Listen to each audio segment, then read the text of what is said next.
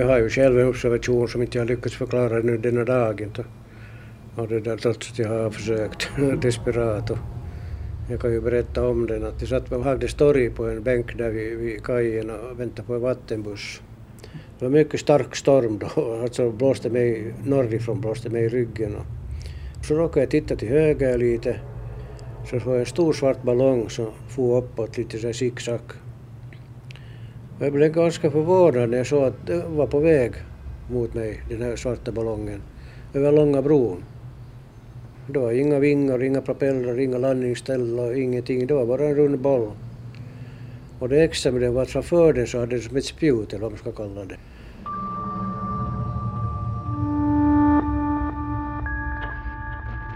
Du lyssnar på Hemma hos ufo-jägaren, ett program om ufo-entusiasten Björn Borg och om ufologins historia och betydelse i Finland. Mitt namn är Petter Lindberg. Skeptikerna har sagt att jag är oförtroende. Oförtroende kallar mig för skeptiker igen. Så att, så att, det där, att jag försöker hålla mig på den sakliga sidan.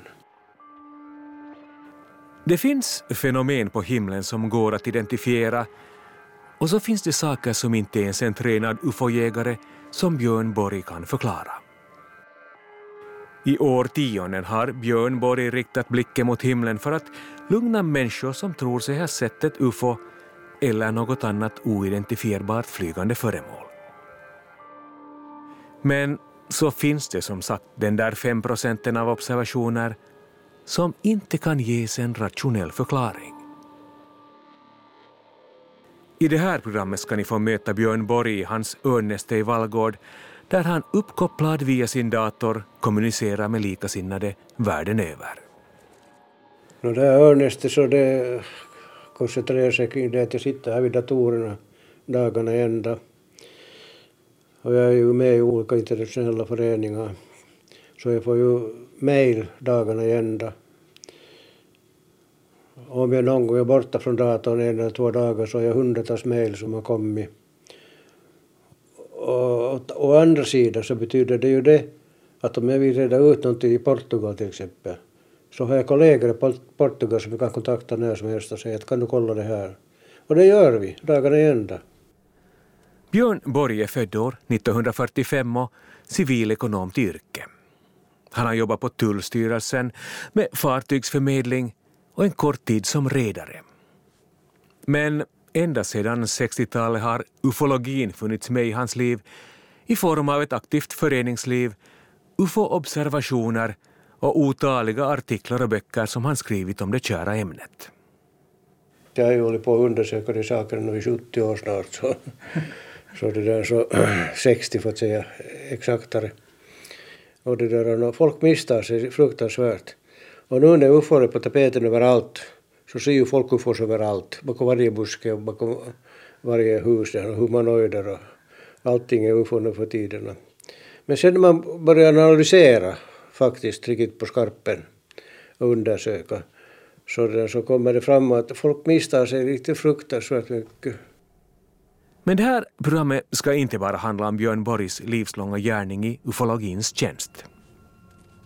Det ska också handla om vilken funktion ufologin fyller i människors liv och hur ufologin bredde ut sig i Finland efter andra världskriget. Viiskymmenen seitsemän uh, July 11 yksi uh, oli uh, taivaassa ja nä- se näytti niin kuin tähti ensin. Mutta se näytti, että se oli likempänä kuin toiset tähdet. Ja se um, näytti ole, orange, orange uh, valo. Efter andra världskriget upplever världen en ufo-boom. Också i Finland görs ufo-observationer och den finskbördige militären Wayne S. Aho kommer från USA för att berätta om vilka utomplanetariska upplevelser han varit med om. Sitten se tuli minun kohtiin niin kuin munan munantyllinen valo ja sillä ei ollut minkäänlaista ääntä, mutta se toppasi sitten minun eteen ja se kääntyi sen semmoinen crimson red valo ympäriäinen. Rymdfarkoster, starka ljusfenomen och regelrätta möten med utomjordingar är vad Wayne S. Aho kan berätta om för nyfikna finländare på 60-talet. Några årtionden senare eskalerar ufo-boomen ytterligare och till och med Yles nyhetssändningar fylls av spekulationer och teorier om olika rymdfarkoster. Useat ihmiset eri puolilla Suomea ovat tänä iltana havainneet taivaalla oudon valoilmiön, kolmesta kuuteen jopa seitsemän valopalloa, joiden perässä on ollut pitkä häntä. 60-70-luvun taitteessa tapahtui semmoinen selvä muutos tässä, että, että nämä niin kuin kotimaisia UFO-havaintoja alkoi oleen, oleen. Ja tässä oli keskeisenä tämä Pudasjärven alue, jossa sitten syksyllä 1969 nähtiin hyvinkin vaikuttavia tämmöisiä valoilmiöitä, joita, joita pystyttiin seuraamaan aika pitkän aikaa. Ja niistä sitten kirjoiteltiin paljon lehdessä ja nämä tavallaan avasi sitten sillä portit, eli niitä UFO-havaintoja alkoi olemaan sitten ympäri Suomea. Fackboksförfattaren Vesa Sisatte beskriver 60 och 70-talet som en brytningsperiod då det blir fullt legitimt att diskutera paranormala fenomen. UFO-observationerna i Pudasjärvi verkar ge mod åt andra att berätta om sina iakttagelser och tidningarna rapporterar ganska okritiskt om det som människor påstår sig ha sett och upplevt. Tähän aikaan lehdet kirjoitti niistä vielä aika niin kuin vailla turhaa skeptisyyttä, että ne oli niin kuin tällaisia jännittäviä uutisia ja niistä kirjoitettiin niin kuin raportoitiin ufotutkijoiden koko, kokouksista ja tällaisista niin kuin ihan tämmöisessä valtalehdistössä. Ufologin var någonting nytt och lockande som också seriös media kunde behandla och bland annat på Yles kanaler ordnades temasändningar där synliga ufo-entusiaster som till exempel Tapani Kuningas fick breda ut sig på bästa sändningstid. Ufoja on hyvin monenlaisia ja tästä johtuu, että yhdellä sanalla ja yhdellä selityksellä ei voida koko tätä aluetta kattaa ollenkaan. Äh, en av de väldigt aktiva personerna så hette Tapani Kuningas och äh, han var speciellt intresserad i ufologin. Men äh, överlag så var det människor som var intresserade av olika övernaturliga fenomen och alternativt andliga åskådningar. Religionsvetaren Tommy Ramstedt vid Åbo Akademi har skrivit sin doktorsavhandling om det finländska gränsvetenskapsfältet som just omfattar ufologin. Finländare lockades av det nya och främmande, säger han, men ufologin erbjöd också ett slags tillflyktsort för individer som kände sig missförstådda och utanför det etablerade samhället. Det fanns väl kanske lite mera ekologiska värderingar än det fanns i mainstream-samhället på den tiden. Men det som fick människor samman så det var just att den typ av kunskap som de representerade eh, så var stigmatiserat. Och det var just den här känslan att de är outsiders som fick dem att komma samman. Så att det var kanske den mest drivande faktorn. Att de alla ansåg sig ha kunskap som inte accepteras i mainstream-samhället. Enligt Tommy Ramstedt var det alltså ett gemensamt utanförskap som förenade många ufo-entusiaster. Men samtidigt förändrades också Finland och världen i snabb takt, påpekar Vesa Sisättö, och säger att det kalla kriget skapade en oro som ufologin eventuellt kunde dämpa hos somliga personer. Tässähän oli 60-luvun kulttuurimurros ja sitten täytyy muistaa, että elettiin kylmän sodan aika kylmiä hetkiä. 60-70-luvun taitteessa oli ollut Tsekoslovakian miehitys 68 ja Suomessakin oli poliittisesti aika levotonta siinä, siinä 60-70-luvun taitteessa. Että ihmisillä oli ehkä tämmöinen vähän epävarma olo ja maailman muuttuvauhdilla. Tjeckoslovakiska nationalförsamlingens presidium har uppmanat Sovjetunionen och de fyra andra socialistländerna att dra bort sina trupper från Tjeckoslovakien. Trupper från Sovjetunionen, Polen, Östtyskland, Ungern och Bulgarien ockuperade förra natten och i morse Tjeckoslovakien och Prag med motiveringen att en motrevolution hotar landet.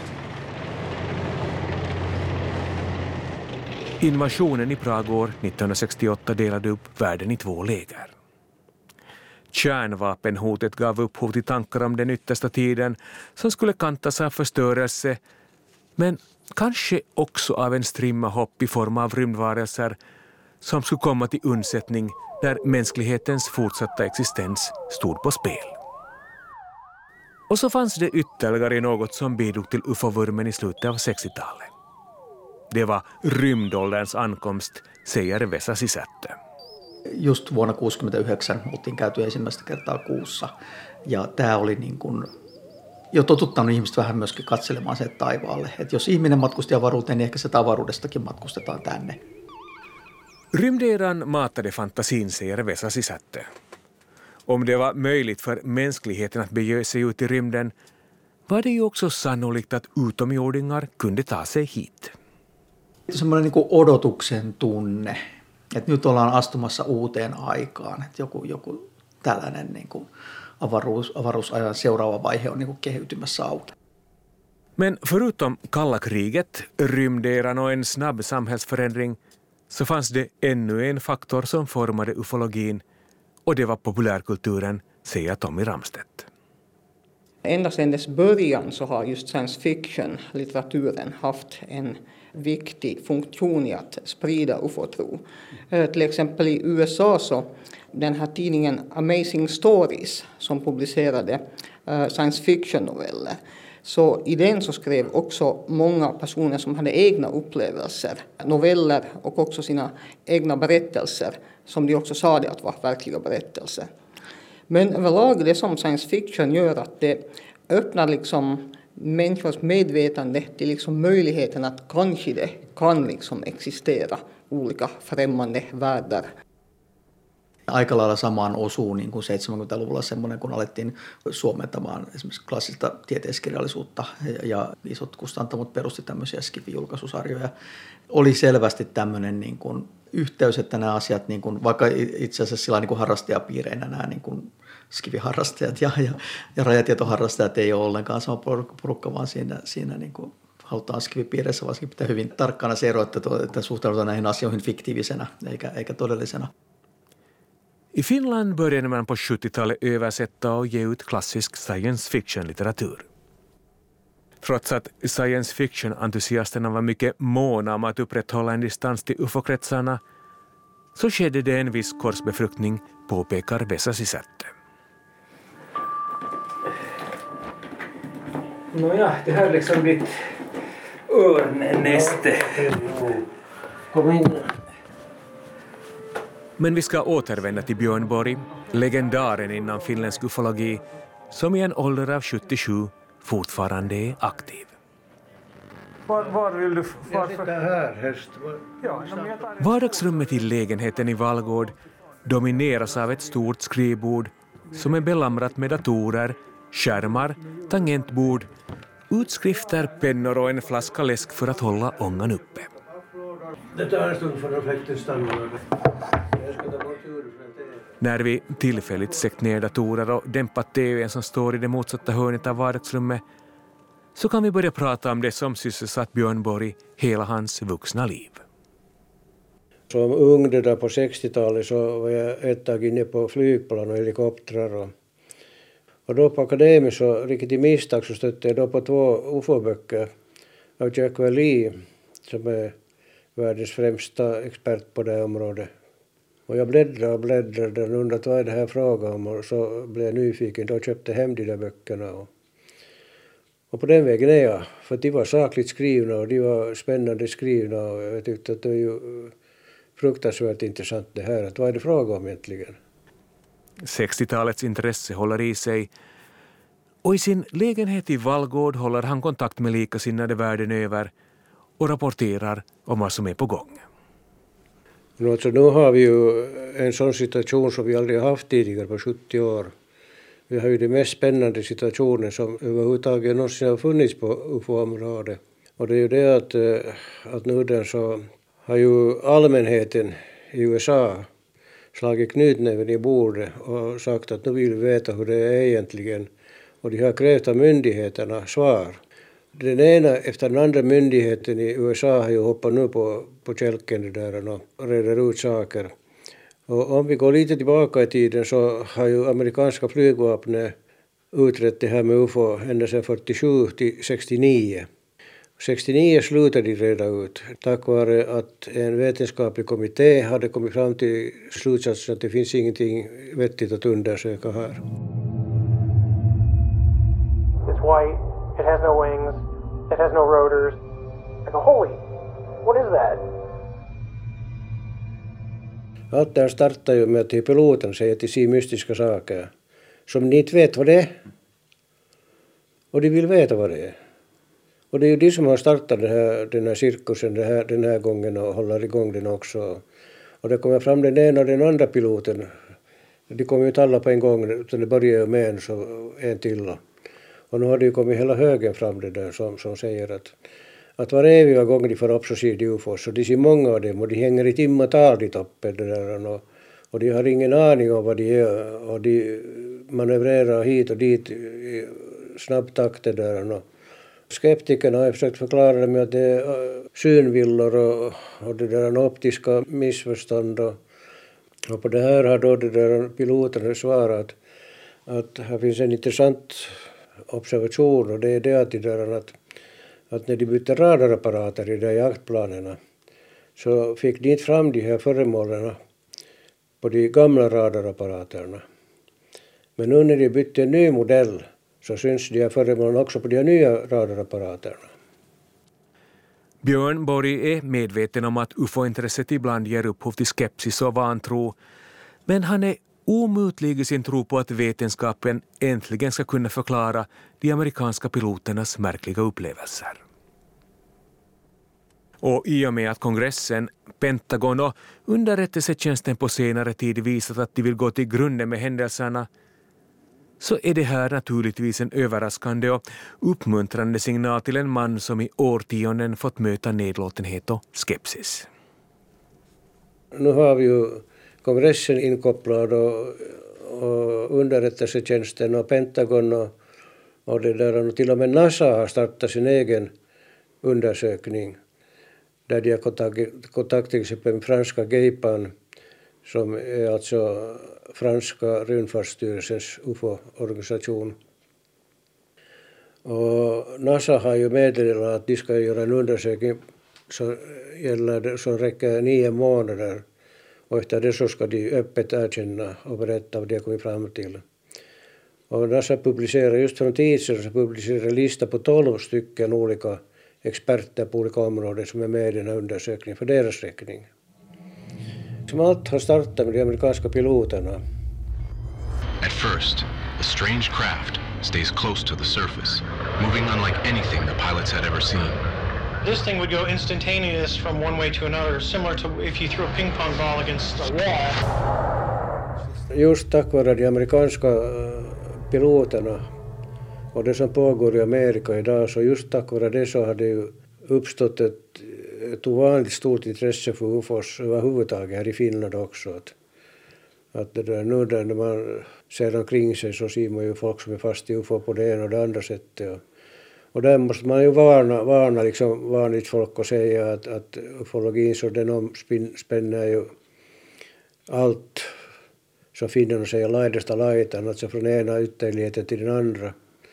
Det finns mycket sakliga och vetenskapligt inriktade ufologer och så finns det de som är blanka motsatsen då att, att i synnerhet den här kontaktrörelsen som, som ser ufos bakom varje buske och det där och, och pratar med, med humanoider alla dagar via dator till exempel. Och det är ju två kontraster precis. Att det är ett brett område det här. Björn Borg har sett den finländska ufo-rörelsens uppgång och gradvisa uppdelning i två rivaliserande läger. Och samma utveckling är också bekant för fackboksförfattaren Vesa Sisättö. Siinä alkoi niin kuin aika varhain jo eriytyä kaksi tämmöistä niin kuin UFO-tutkimisen linjaa, jossa toisessa niin kuin selvitetään sillä ihan niin kuin tieteellisillä metodeilla joko ammatti- tai harrastelijamaisesti sitä, että, että mistä näissä ilmiöissä oikeasti voisi olla kysymys. Ja sitten toinen on tämä tämmöinen ihan, ihan tota, suomalaisen esoterian perinteeseenkin saumatta liittyvä tällainen missä ei oikeastaan tarvita sitä empiiristä vaihetta ollenkaan, vaan tietoa näistä ufoista voidaan saada ihan mukavasti omassa nojatuolissa istuskellen. I grova drag kan man dela in den finländska ufo-scenen i en vetenskapligt teknikintresserad falang och en religiös falang som bygger sin föreställningsvärld på en esoterisk tradition och möten med humanoider, säger Vesa Sisättö.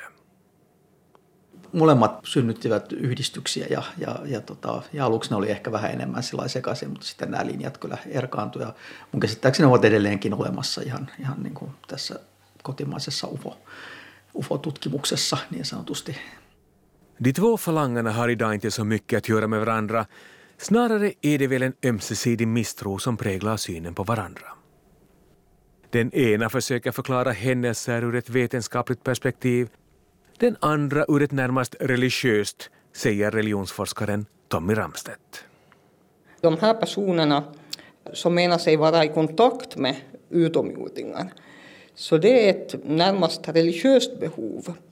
Att ofta just i de här eh, budskapen som de menar sig ha fått från utomjordingar så berättar de här utomjordingarna om saker och ting som livets mening och hur man ska leva, om vad som händer efter döden till exempel och ger olika sådana livsråd åt människor och säger att de är viktiga och älskade. Så att just sån här typ av religiös ufologi så ger en större mening åt människan och svarar på sådana här grundläggande livsfrågor om livets existens och mening. Den religiösa ufologin fäster sig precis som Tommy Ramstedt säger i högre grad vid livsåskådningsfrågor. Men kanske skiljelinjen ändå inte är så knivskarp. Kanske det i båda fallen handlar om samma existentiella sökande som i det ena lägret manifesteras i tekniktro och i det andra lägret i en tro på vänligt sinnade rymdvarelser.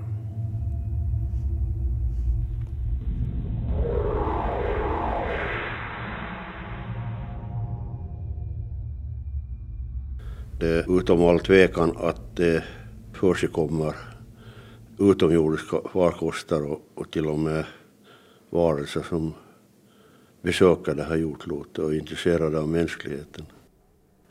Om Björn Borg representerar den mer teknikinriktade ufo-falangen så verkar bildkonstnären Olof Kangas förhållningssätt till ufologin ha en mer humanistisk, pacifistisk prägel och bottna i en genuin nyfikenhet på det främmande. En oerhört intressant fråga är ju det psykologiska.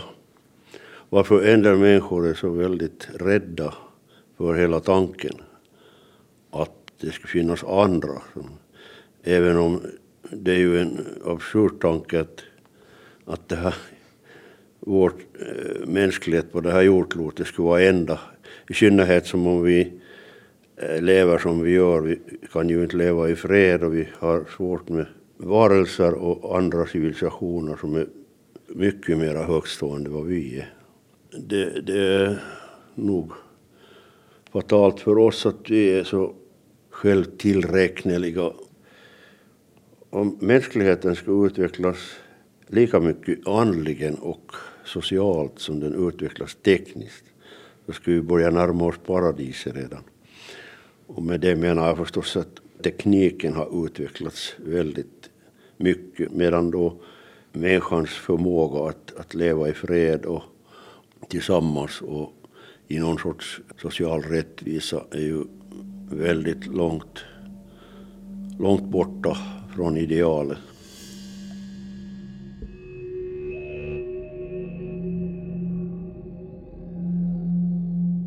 Ja, alltså det är många som undrar varför de inte tar kontakt med regeringar och försöker hjälpa oss med våra problem med krig och allt möjligt annat. Men faktum är att de har ju kontakta människor väldigt mycket. Men eh, de kan inte göra eh, något ingrepp i vår kultur. Det är ungefär som föräldrar och barn och man kan inte leva andras liv. Man måste själv lära sig leva och ta ansvar för sitt liv. Så det var ju en otroligt markant ökning av iakttagelser av flygande föremål då i samband med att människan uppfann atombomben. I Olof Kangas värld verkar rymdvarelserna stå för visdom, kunskap och en slags beskyddande vägledning. Det finns vägledning men det finns inte sån där man skulle ta över med våld och, och tvinga den här mänskligheten på den här planeten att göra på ett annat sätt än den vi gör. Att komma in på rätt väg när vi, vi har krig här på planeten. Och om man en gång hamnar på fel, ska vi säga, fel väg så är det väldigt svårt att, att, att stanna och vända tillbaka.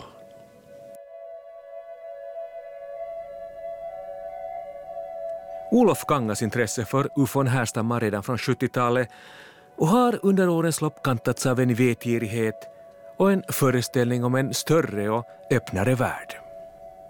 Det har gett mig perspektiv på vår plats här i universum och, och eh, jag, jag, kan inte säga att man blir lyckligare av att veta mera. Det är en gammal sanning det att ju mer man vet desto mera lidande för att det, det är också svårt att bära kunskaper som man inte kan dela med folk. Det är några få vänner man har som man verkligen kan diskutera djupa saker. Men annars, nu har det ju gett väldigt mycket insikter om, om saker och ting. Men alla dessa insikter som du har gjort dig då under årtiondens lopp, men har det någonsin funnits en vilja att också så att säga dela med dig av den kunskapen? Delvis har jag nog gett uttryck åt det genom konsten också, måleri och, och sådär. Men att dela med sig, det är nog ofta små sällskap där man vet att folk är öppna och vågar tala om saker där det inte, inte finns fördomar. Jag har nu haft olika personliga upplevelser som har bevisat för mig till exempel att kroppen och själen är två olika saker och att döden finns inte. Jag tror att det är via just personliga upplevelser som man eh, får insikter som så att säga omruskar ens eh, medvetande. Vi, vi är väldigt mycket för att träna fysiskt och idrott och allt möjligt sånt där. Men om vi skulle träna lika mycket psyke och det mentala så skulle vi märka att det, det finns oerhörda resurser och oerhörda möjligheter att förändras. Ufologin står alltså för förändring, självinsikt och ett slags högre vetande som gagnar individen och i förlängningen kanske också hela mänskligheten. Men där som Olof Kanga söker insikten via den personliga erfarenheten och en blick som vänds inåt, där är Björn Borgs blick stadigt riktad mot himlavalvet eller de faktabaser som kan kullkasta myter och felaktiga uppfattningar. Vi söker den sprungna källan. Om någon säger att det i Helsingin Sanomat 1926 på första sidan stod en nyhet, så söker vi upp tidningen. Och säger någon att det, där, att det i New York Times för hundra år sedan på sidan tre stod så här och så här, så vi söker upp tidningen och ser vad det står där. Jag måste vara mycket kritisk här nu och säga att det finns fruktansvärt mycket historier som att min mamma berättade och hon hade hört av en nära vän och, och som var en god granne och där. Och, och därför är det riktigt säkert det här, de sa det här och de sa det där. Men sen när vi började undersöka sen så visade det sig för det mesta att för det mesta så stämmer ingenting. Det är lite ditåt någon gång och det är lite vagt det här och det är missförstånd där och, och någon har överdrivit här och någon har glömt något att säga där. Och, att den ursprungliga källan, så det är liksom start, startsnöre för oss sakliga undersökare. Och det är minst lika belönande att få en förklaring som det att man går och tänker att det här är någonting som vi absolut aldrig kommer att få ett svar på. Jo, jag måste säga att, att jag tar det som undervisning, man tar sig som lärare. Och, och jag kan berätta om ett exempel här för ett år sedan ungefär så, så var det en herreman i Österbotten som skickade en rapport och en massa med foton med. Det hade stigit upp en massa ljus i väster på morgonen.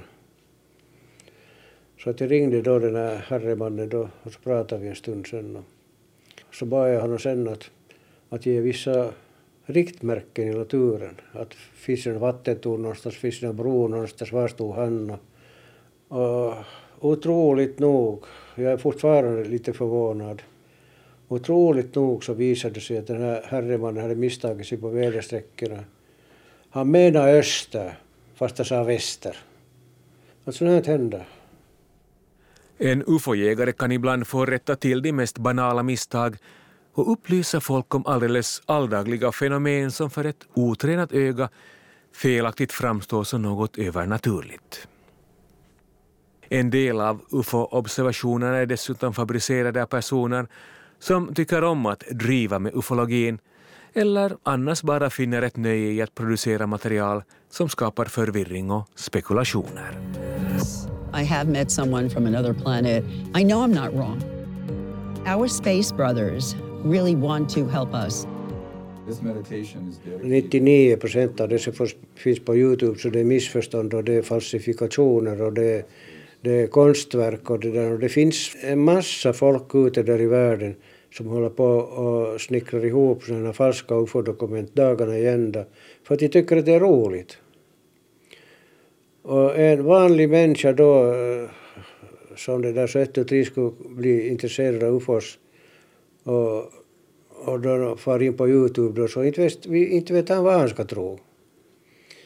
Men att jag, folk frågar mig att vad ska man tro på egentligen och, och det där och jag har försökt komma med goda råd och, och ett av mina råd har varit det att, att dagstidningarna är nog en ganska pålitlig källa att om det händer något märkvärdigt någonstans så berättar ju dagstidningen om det. Vi vill ha förklaringar och svar. Vi vill veta hur världen fungerar och söker rationella svar på våra frågor. Det säger också fackboksförfattaren Vesa Sisättö. Kaikessa yliluonnollisiin ja tämmöisiin harvinaisiin ja outoihin ilmiöihin, tota, jotka eivät ehkä sillä tavalla ole, ole niin kuin empiirisesti aina todistettavia, niin on niin kuin liittynyt tämmöinen niin kuin nyt, nyt viimeisinä vuosikymmeninä ja oikeastaan aika pitemmänkin kehityksen tuloksessa niin kuin tietty teknistyminen tai tieteellistyminen, että niitä niin kuin halutaan lainata siltä tieteeltä auktoriteettia tähän tutkimukseen tai semmoiseen, että tämä, tässä, että mielellään, niin kuin, koska ihmiset luottaa ja uskoo tieteeseen ja teknologiaan nykyään niin koko ajan arkielämässänsä, niin, niin totta kai niin kuin näitä, näitä ilmiöitä myös tutkitaan tieteellisesti Under senare årtionden har tekniken, teknologin och vetenskapen fått ett allt starkare fotfäste i vårt samhälle. Vetenskapen erbjuder ett slags auktoritet och också ufologin har utnyttjat det här för att ge sin verksamhet en större tyngd, säger Vesa Sisättö och får medhåll av Tommy Ramstedt. Överlag finns ett sånt här starkt vetenskapligt språkbruk till exempel man pratar om vibrationer, om olika energier. En del människor så anser att det är viktigt att någonting är vetenskapligt bevisat eller att går att vetenskapligt bevisa. Nu har vi ju en stark tilltro till vetenskapen överlag i, i västvärlden. Så sen en sån här mix av religion och vetenskap, det vill säga religion som får ett vetenskapligt språkbruk.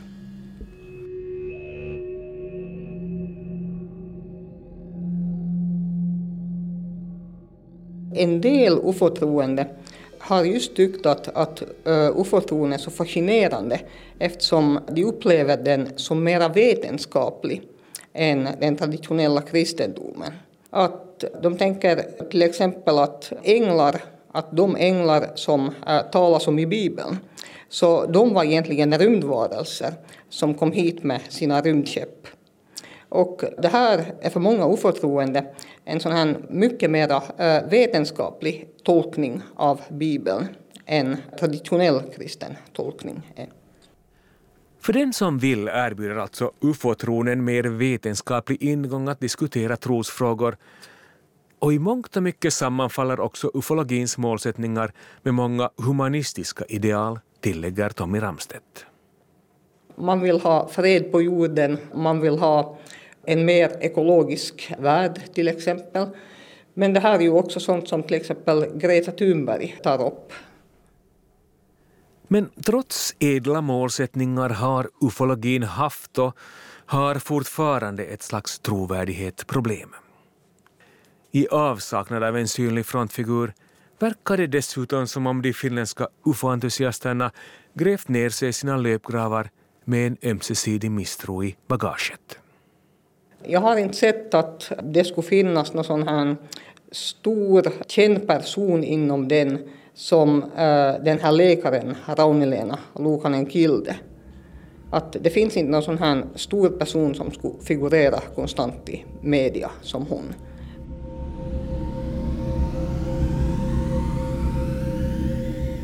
Rauni-Lena Lukanen Kilde var på 80 och 90-talet en av de synligaste ufo-anhängarna i Finland. Hon föreläste om ufon, parapsykologiska fenomen och hemligstämplade ufo-rapporter som här i en intervju från år 1995. Det finns humanoider också här på jorden och jag har läst obduktionsrapporter av döda humanoider som har kraschat med ufona hit. Men det är en militär hemlighet i alla länder av världen, det är en global fråga. Men nu börjar man öppna upp och få liksom ge mer och mer information och orsaken tror jag är att så många människor har egna erfarenheter och du kan inte mera säga att det är hallucinationer och de är helt dårar. Är det så att, att den rörelsen skulle behöva någon slags lite sån messiansk figur som, som på något sätt ger ett ansikte och, och ett slags andlig tyngd åt rörelsen? Uh, ja, att då skulle den säkert öka och få mycket mer synlighet. Men jag har lite svårt att se att, att det mitt i allt skulle bli en, en sån här stark ufo-boom. Mm. det finns kanske en annat i vår samtid som på något sätt um, överskuggar ufologin och då tänker jag kanske på konspirationsteorier som är väldigt frekventa just nu eller någon slags um, hälsoboom där man då med hjälp av olika preparat förväntas bli frisk, eh, menar silvervatten och den typen, som, som på något sätt kanske lite utkonkurrerar eh, ufologin idag. No, jag skulle inte säga utkonkurrerar, utan äh, de existerar nog äh, delvis i samma miljö. Och speciellt olika konspirationsteorier så är en central del i vissa typer av ufologi. Det vill säga att man tror att myndigheterna har till och med olika rymdskepp på hemliga militärbaser men erkänner inte det helt enkelt för den stora befolkningen. Så att det finns ett eh, väldigt stort överlapp mellan konspirationsteorier och ufologi. Och man kan just säga att viss typ av ufologi så en, den kanske mest centrala delen är olika konspirationsteorier. Den finländska ufologin är inte särskilt synlig just nu men runt om i landet finns det fortfarande entusiaster som säger sig ha regelbunden kontakt med rymdvarelser eller som mer vardagligt fortsätter att kartlägga mystiska ljusfenomen. Den där gåtfulla femprocenten som gör det hela värt att fortsätta.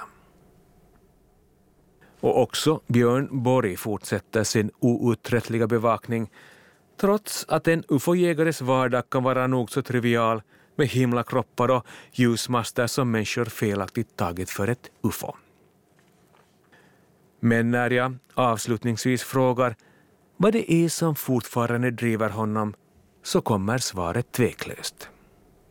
Nyfikenheten. Och här, alltså, jag brukar undvika att, när folk brukar fråga varför kommer ufona om de finns, så har jag alltid undvikit att svara på det.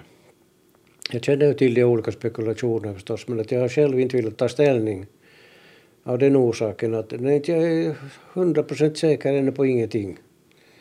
Och det är nyfiken som driver en på det viset att, att om det nu visar sig att de finns på riktigt, de här ufona, och att, det, och att de representerar främmande intelligens, så det är ju världshistoriens största nyhet. Och om de kommer någon gång landa, landa någon från en sämre civilisation som är hundratals år före oss i tiden i utvecklingen, så vad kan de lära oss då om vetenskap och, och teknik och medicin och, och det där och historia? Och, det är ju det största som kan hända mänskligheten. Och det är det som, som eh, ligger där i bakgrunden. Att, att, att vad är det fråga om? Varför berättar folk år efter år efter år efter år i hela världen att de såg det här som inte vet vad det är. Vad det är.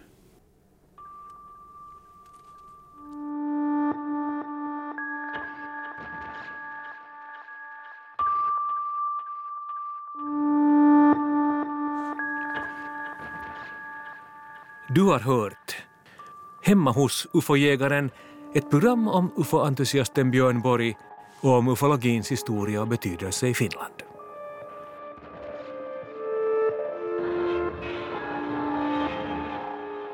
I programmet medverkade förutom Björn Borg också bildkonstnären Olof Kangas, fackboksförfattaren Vesa Sisättö och religionsforskaren Tommy Ramstedt. För ljuddesignen stod Jyrki Häyrinen. Producent var Elin von Wright och mitt namn är Petter Lindberg.